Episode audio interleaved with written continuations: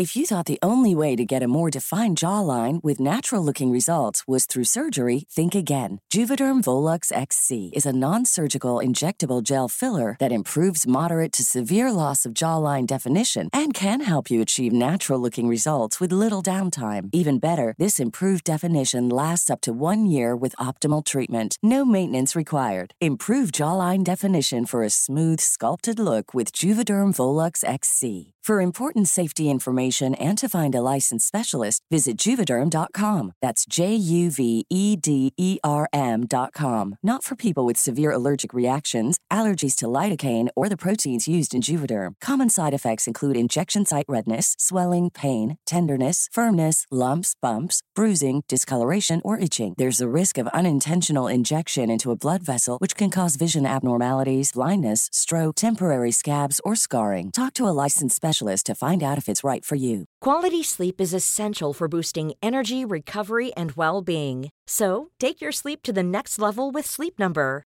With a Sleep Number smart bed, you can individualize your comfort level and enjoy a better sleep night after night. JD Power ranks Sleep Number number 1 in customer satisfaction with mattresses purchased in-store. And now the Queen Sleep Number C4 smart bed is only $1,599, a saving of $300, only for a limited time. For JD Power 2023 award information, visit jdpower.com/awards. Only at Sleep Number stores or sleepnumber.com. Normally, being a little extra can be a bit much, but when it comes to healthcare, it pays to be extra. And United Healthcare makes it easy with Health Protector Guard fixed indemnity insurance plans. Underwritten by Golden Rule Insurance Company, they supplement your primary plan, helping you manage out of pocket costs without the usual requirements and restrictions like deductibles and enrollment periods. So when it comes to covering your medical bills, you can feel good about being a little extra. Visit uh1.com to find the Health Protector Guard plan for you. Under sommaren 1987 försvann den 27-årige snickaren Andre Daigle efter att ha varit ute på en bar tillsammans med en kompis i New Orleans, Louisiana. Flera dagar passerade utan några som helst spår av Andre och utan större framgångar i utredningen. Det vill säga tills dess att hans syster i ren desperation valde att kontakta ett medium vars syner och visioner skulle visa sig vara skrämmande korrekta.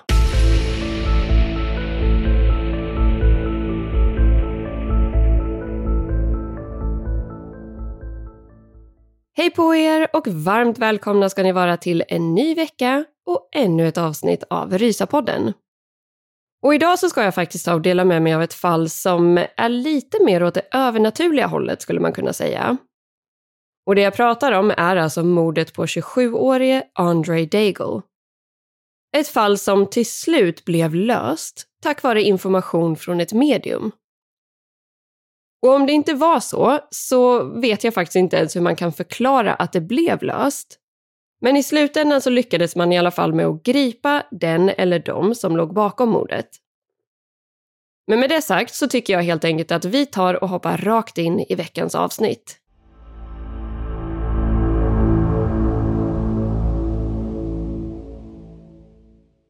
I delstaten Louisiana, precis i närheten av Mississippifloden, ligger det lilla samhället River Ridge. Här växte Andre Daigle upp i en stor och kärleksfull familj med sina föräldrar och flertalet syskon. Det finns inte särskilt mycket tillgänglig information om Andres barndom, men han beskrivs ofta som en otroligt vänlig och omtänksam person som alltid ställde upp för andra när det behövdes. Och med tanke på att det inte finns så mycket mer att säga om hans uppväxt så tänker jag att vi tar och börjar med att hoppa fram till tidpunkten då hela det här fallet utspelade sig. Mer exakt i början av juni 1987. Andre var då 27 år gammal och hade nu flyttat från River Ridge till den närliggande och betydligt större staden New Orleans. Där arbetade han som snickare tillsammans med sin kompis Joe Lapinto. Han ska dessutom ha varit väldigt duktig på sitt jobb och verksamheten gick därför riktigt bra för de två vännerna som ofta var ute på nya renoveringsuppdrag i området. Tisdagen den 9 juni 1987 så bestämde sig Andre för att möta upp sin kompis Nick Shelley för att äta lite middag tillsammans. Andre hoppade därför in i sin svarta pickupbil och begav sig till den mexikanska restaurangen Chi-Chi's för att möta upp Nick. Efter middagen begav de sig vidare till ett ställe som hette Mitchells Lounge för att ta några öl och spela lite biljard.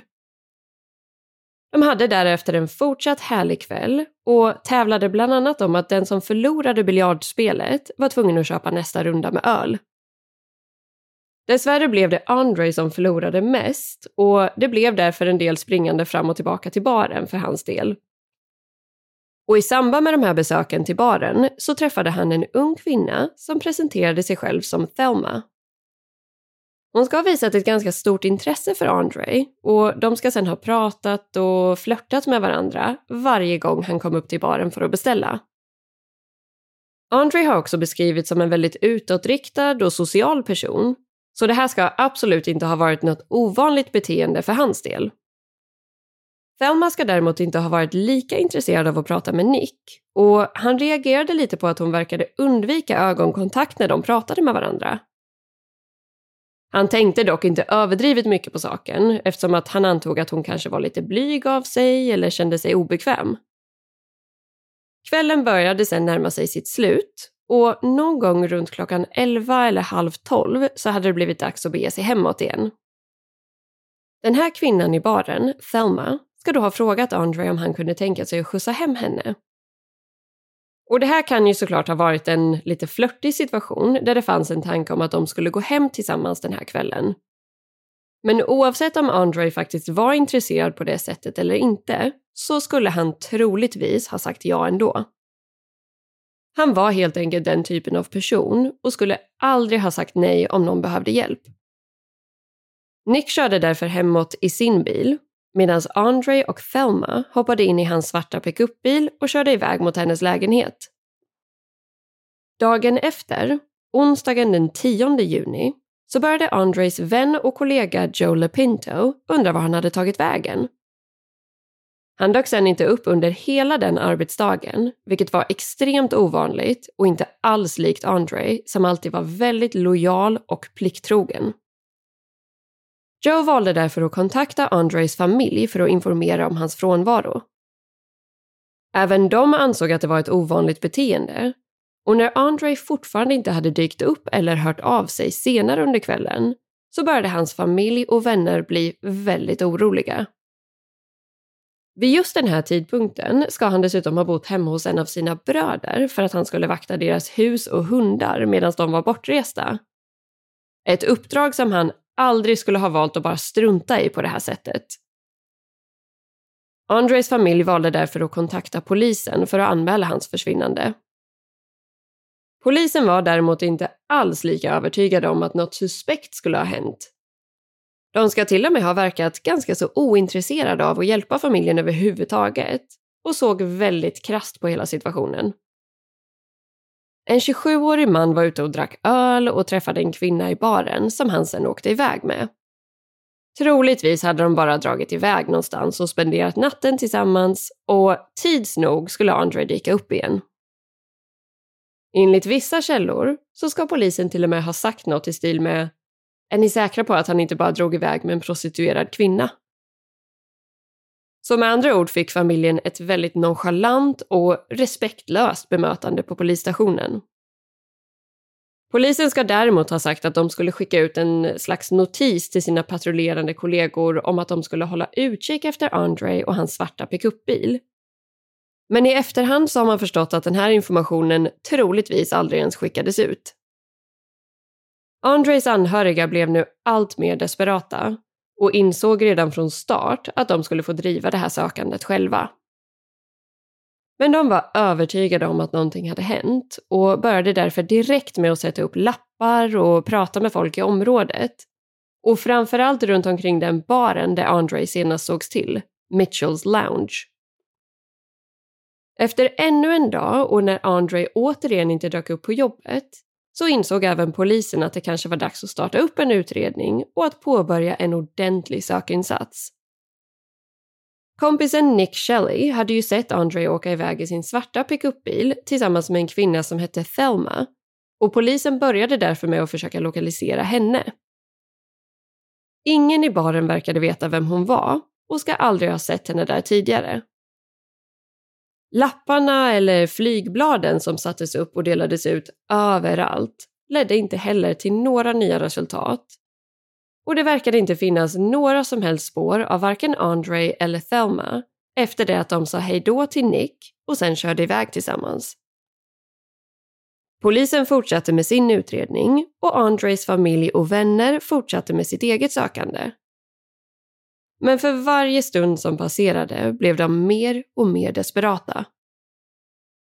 Större delen av Andres familj bodde ju fortfarande i Louisiana, men hans syster Elise bodde drygt fyra timmars flygresa därifrån, i Kalifornien. Bara några dagar innan Andre försvann så hade hon besökt ett medium som hette Rosemary Kerr inte nödvändigtvis för att hon trodde på sånt, utan det ska mest ha varit som en kul grej tillsammans med några vänner. När hon sen fick reda på att hennes bror hade försvunnit och att utredningen och sökinsatserna inte såg särskilt lovande ut så tänkte hon att det kanske kunde vara värt att gå och prata med Rosemary igen. Elise kunde nämligen minnas att Rosemary hade nämnt att hon inte bara var ett vanligt medium utan att hon också arbetade som så kallad psychic investigator det vill säga att hon med hjälp av sina övernaturliga förmågor kunde hjälpa till vid utredningar av olika typer av brott. Enligt Rosemary själv så upptäckte hon sin unika gåva redan vid fyra års ålder när hon drömde en mardröm om en fruktansvärd brand i en släktings bostad som sen ägde rum på exakt det sättet som hon hade drömt drygt två veckor senare. Och än idag så är ju många extremt skeptiska till allt sånt här och då kan man ju bara föreställa sig hur inställningen måste ha varit på den här tiden, alltså år 1987. Men Elise och resten av familjen Daigle kände väl helt enkelt att de inte hade någonting att förlora och att det inte kunde skada och i alla fall försöka. På uppmaning av de andra familjemedlemmarna så stannade Elise därför kvar i Kalifornien och bokade in ännu ett möte med Rosemary. Den här gången blev hon ombedd att ta med sig ett foto på sin försvunna bror och en karta över området där han hade försvunnit ifrån, det vill säga delstaten Louisiana. Väl på plats räckte Elise över både fotot och kartan till Rosemary. Hon kollade inte på fotot, utan hon la ner det direkt på bordet, blundade och började sedan stryka med fingrarna över fotot det hela började sen med att Rosemary upplevde en oerhörd smärta i huvudet och hon kunde höra en röst som sa “My head is killing me”. Hon såg sen framför sig en svart pickupbil med en stor repa på ena sidan. Och vissa källor uppger att Elise reagerade väldigt starkt på det här eftersom att hon visste att Andre körde just en sån bil. Andra källor uppger istället att hon inte ska ha gjort det och att hon ska ha sagt att det inte stämde eftersom att hennes bror körde en vit bil. Något han hade gjort tidigare, men att hon helt enkelt inte ska ha vetat att Andre nyligen hade införskaffat den här svarta pickupbilen eftersom att han behövde en sån typ av bil i sitt arbete som snickare. Hon bodde ju dessutom väldigt långt bort och träffade förmodligen inte sin bror ofta nog för att kunna ha koll på vilken typ av bil han körde för tillfället. Men Rosemary kunde också se att det fanns en person i Andres svarta pickupbil som hade långt blont hår och som hade någon form av kontroll eller makt över honom. Hon gick sedan vidare till kartan över Louisiana och gjorde samma procedur med den. Hon blundade och strök med fingrarna över kartan utan att titta på den. Återigen sa Rosemary att hon kände en stark smärta i huvudet och förklarade att hon kunde se framför sig ett träsk en strand och en lång bro som sträckte sig över någon form av vatten. Utöver det såg hon siffran sju väldigt tydligt. Hon kunde inte säga exakt vad det betydde eller varför just den siffran dök upp, utan bara att hon trodde att det var viktigt. Rosemary fortsatte sedan att stryka med fingrarna över kartan och helt plötsligt kände hon som en elektrisk stöt genom hela handen. Vid just det här tillfället så pekade hennes finger på en liten stad som heter Slidell och som ligger ungefär 40 minuter med bil från New Orleans, där Andre hade försvunnit ifrån. Hon ska då ha blivit väldigt uppjagad och sagt åt Elise att det var exakt där de behövde leta och att de dessutom borde skynda sig. Efteråt kontaktade Elise resten av familjen hemma i Louisiana och förmedlade informationen som hon hade fått av Rosemary och att de nu skulle skynda sig mot Slidell. Alla var fortfarande ganska så skeptiska överlag, men enligt en av Andres bröder, Chris Daigle, så ska flera i familjen samtidigt ha fått en obeskrivlig och stark känsla av att det här faktiskt kunde stämma och att det var just dit de behövde åka.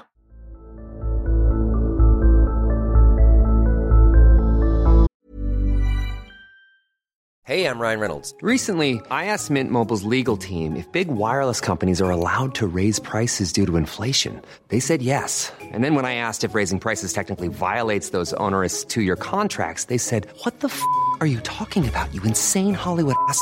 So to recap, we're cutting the price of Mint Unlimited from $30 a month to just $15 a month. Give it a try at mintmobile.com slash switch. $45 up front for three months plus taxes and fees. Promo for new customers for limited time. Unlimited more than 40 gigabytes per month. Slows. Full terms at mintmobile.com. Quality sleep is essential for boosting energy, recovery, and well-being. So take your sleep to the next level with Sleep Number. With a Sleep Number smart bed, you can individualize your comfort level and enjoy a better sleep night after night. JD Power ranks Sleep Number number 1 in customer satisfaction with mattresses purchased in-store. And now the Queen Sleep Number C4 smart bed is only $1,599, a saving of $300 only for a limited time. For JD Power 2023 award information, visit jdpower.com/awards. Only at Sleep Number stores or sleepnumber.com. If you're looking for plump lips that last, you need to know about Juvederm lip fillers. With Juvederm Volbella XC and Juvederm Ultra XC, your lip look, whether it's subtle or bold, can last up to one full year with optimal treatment and no additional maintenance. Find a licensed specialist and see if it's right for you at juvederm.com today. That's J U V E D E R M.com. Add fullness to lips in adults over 21 with Juvederm Volbella XC or Juvederm Ultra XC. Do not use if you have severe allergies or a history of severe allergic reactions, or if you're allergic to lidocaine or the proteins used in Juvederm. Tell your doctor if you have a history of scarring or taking medicines that decrease the body's immune response or that can prolong bleeding. Common side effects include injection site redness, swelling, pain, tenderness, firmness, lumps, bumps, bruising, discoloration, or itching. As with all fillers, there's a rare risk of unintentional injection into a blood vessel, which can cause vision abnormalities, blindness, stroke, temporary scabs, or scarring. For full important safety information, visit juvederm.com.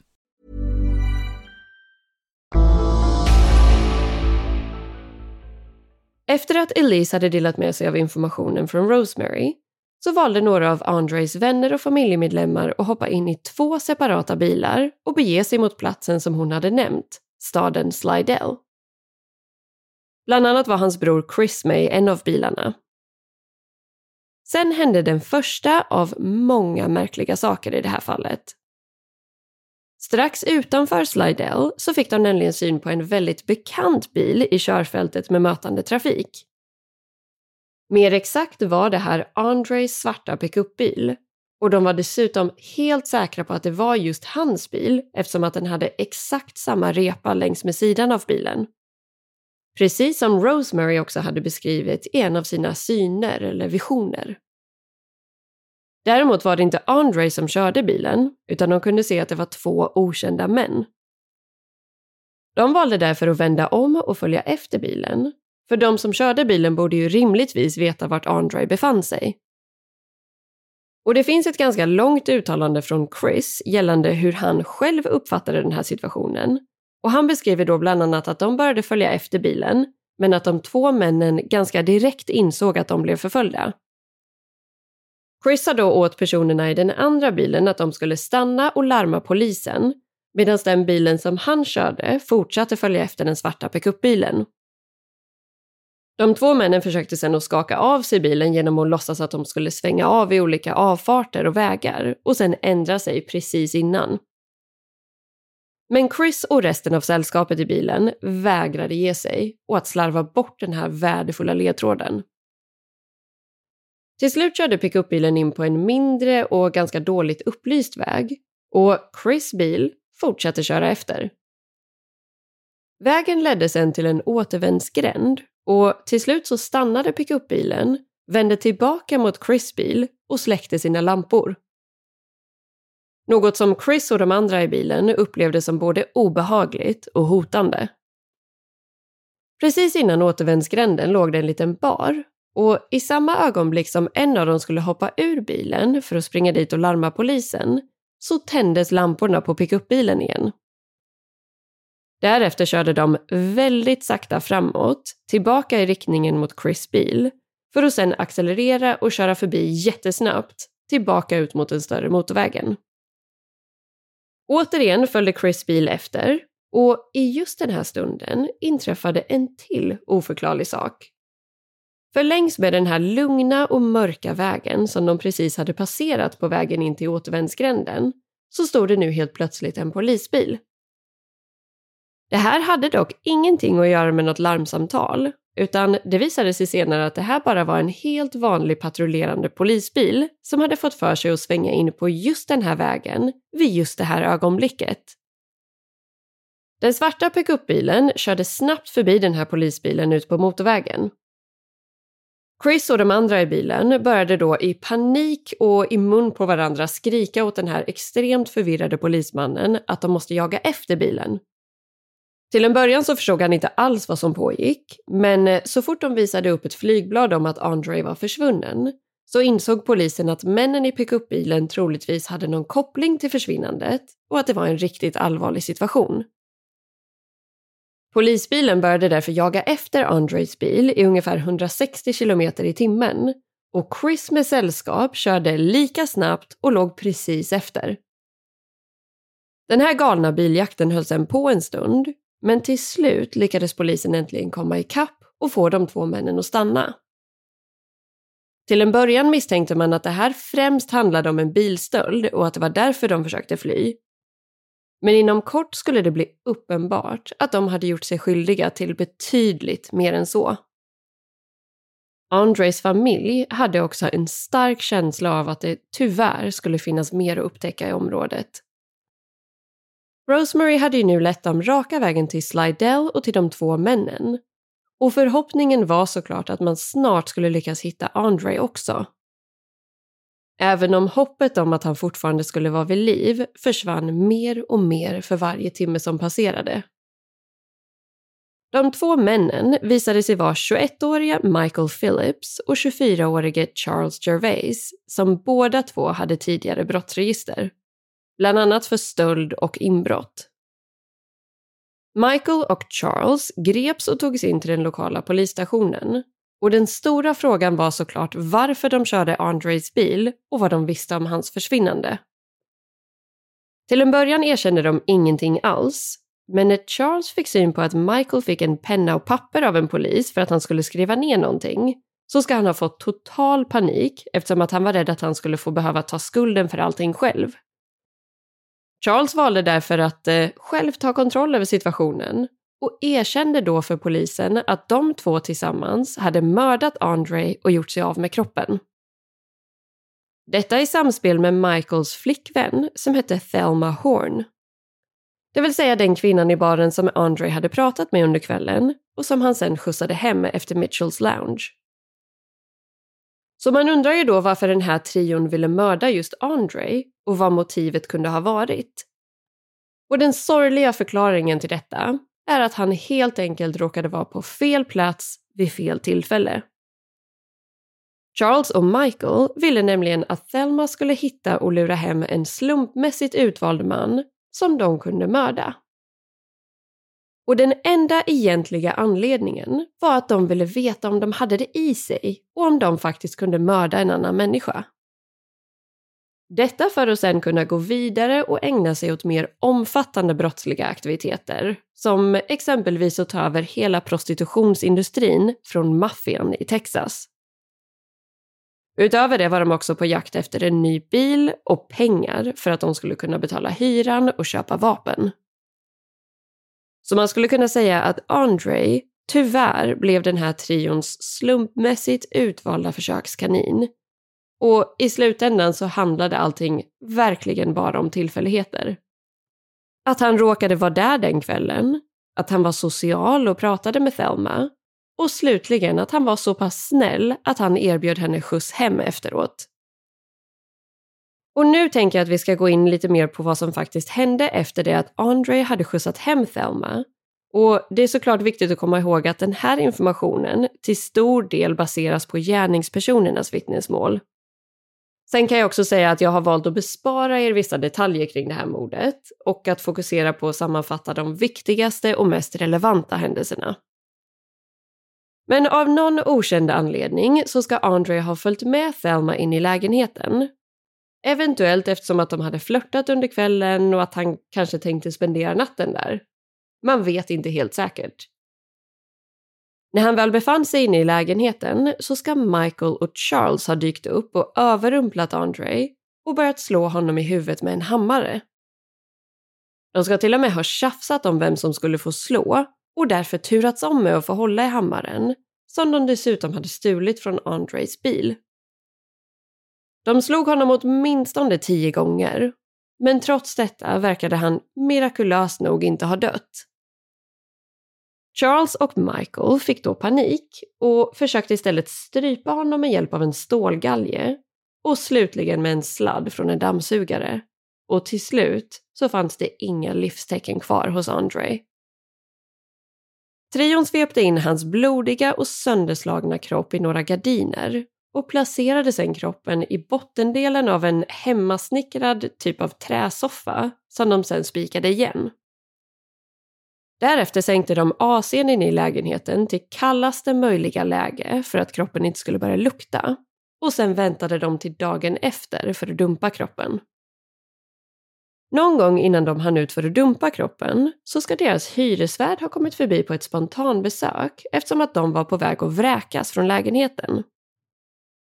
Hyresvärden noterade då en massa röda fläckar på golvet och på något sjukt sätt så lyckades de förklara bort detta genom att säga att de hade målat och att de lovade att städa bort allt innan de flyttade. Det finns också uppgifter om att hyresvärden vid något tillfälle under det här besöket ska ha suttit på den här träsoffan där Andres kropp låg gömd. Men någon gång dagen efter så ska de i alla fall ha lyckats ta sig ut för att göra sig av med kroppen. Och efter erkännandet så ska Michael och Charles ha berättat för polisen var de hade gjort detta. Och som ni kanske minns så hade ju Rosemary fått upp syner av ett träsk, en strand och en lång bro som sträckte sig över någon form av vatten. Utöver det såg hon siffran 7. Och Andres kropp hittades till slut i ett stort träsk i närheten av en liten strand precis under en lång bro och strax efter avfart nummer 7 från motorvägen.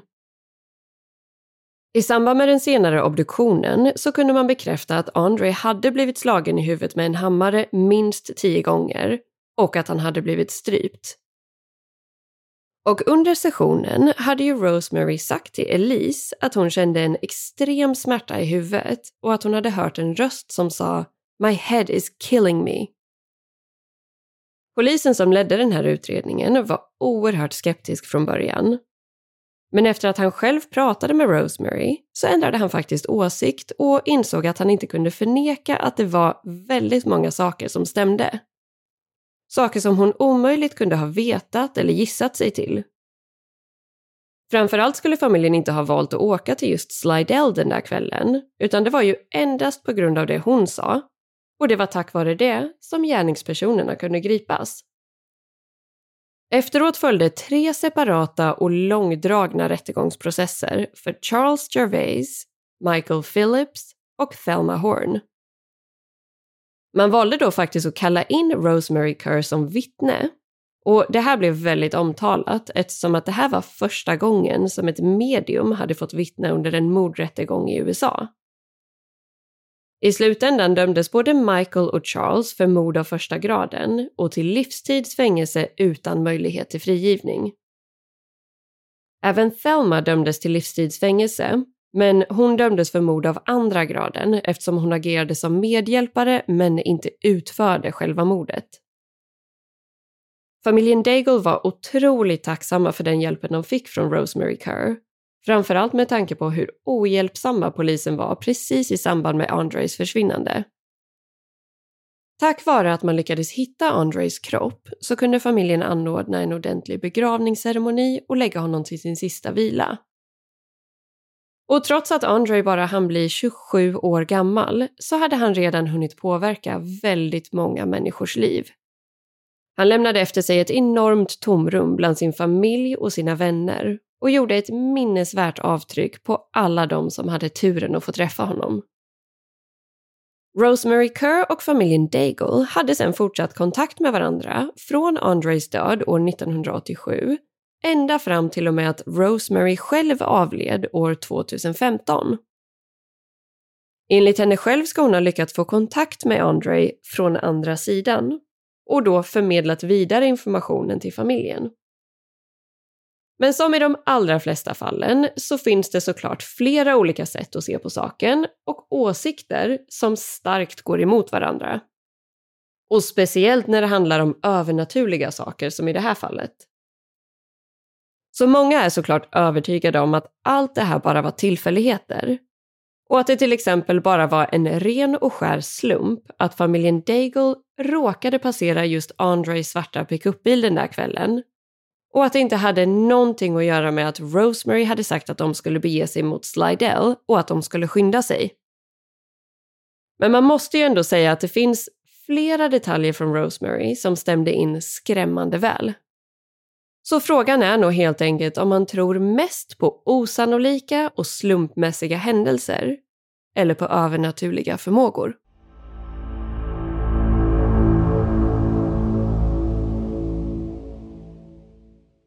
Ja, alltså jag känner spontant att det vore väldigt intressant att höra vad ni tycker om det här fallet. För en stor del av mig vill verkligen tro på att Rosemary faktiskt såg de här sakerna och att det var hon som gjorde att det här fallet löstes. Men samtidigt vet man ju också hur pass många gånger man faktiskt har testat att använda olika typer av medium och hur sällan det har lett till någonting annat än falska förhoppningar, felaktig information och bortkastad tid. Och om det nu fungerar, varför har man då inte lyckats lösa betydligt fler fall på det här sättet? Det ska också sägas att vissa saker som kom upp under sessionen inte egentligen kunde kopplas till någonting. Som exempelvis att någon person med långt blont hår skulle ha haft någon form av makt eller kontroll över Andre. För den här beskrivningen passar faktiskt inte in särskilt väl på någon av de tre gärningspersonerna. Utöver det så finns det också väldigt mycket vatten och framförallt träskmark i Louisiana och det är ju inte helt osannolikt att man skulle välja att dumpa en kropp i ett av de områdena. Så man kan absolut försöka förklara och rationalisera alla märkliga detaljer i det här fallet. Men eh, jag tyckte ändå att det var så pass unikt och intressant att jag ville ta upp det här i podden. Och förhoppningsvis så har ni också tyckt det. Men nu så har det faktiskt blivit dags att runda av för den här veckan. Så jag säger helt enkelt tusen tack för att just du har valt att lyssna på det här avsnittet av Risa-podden.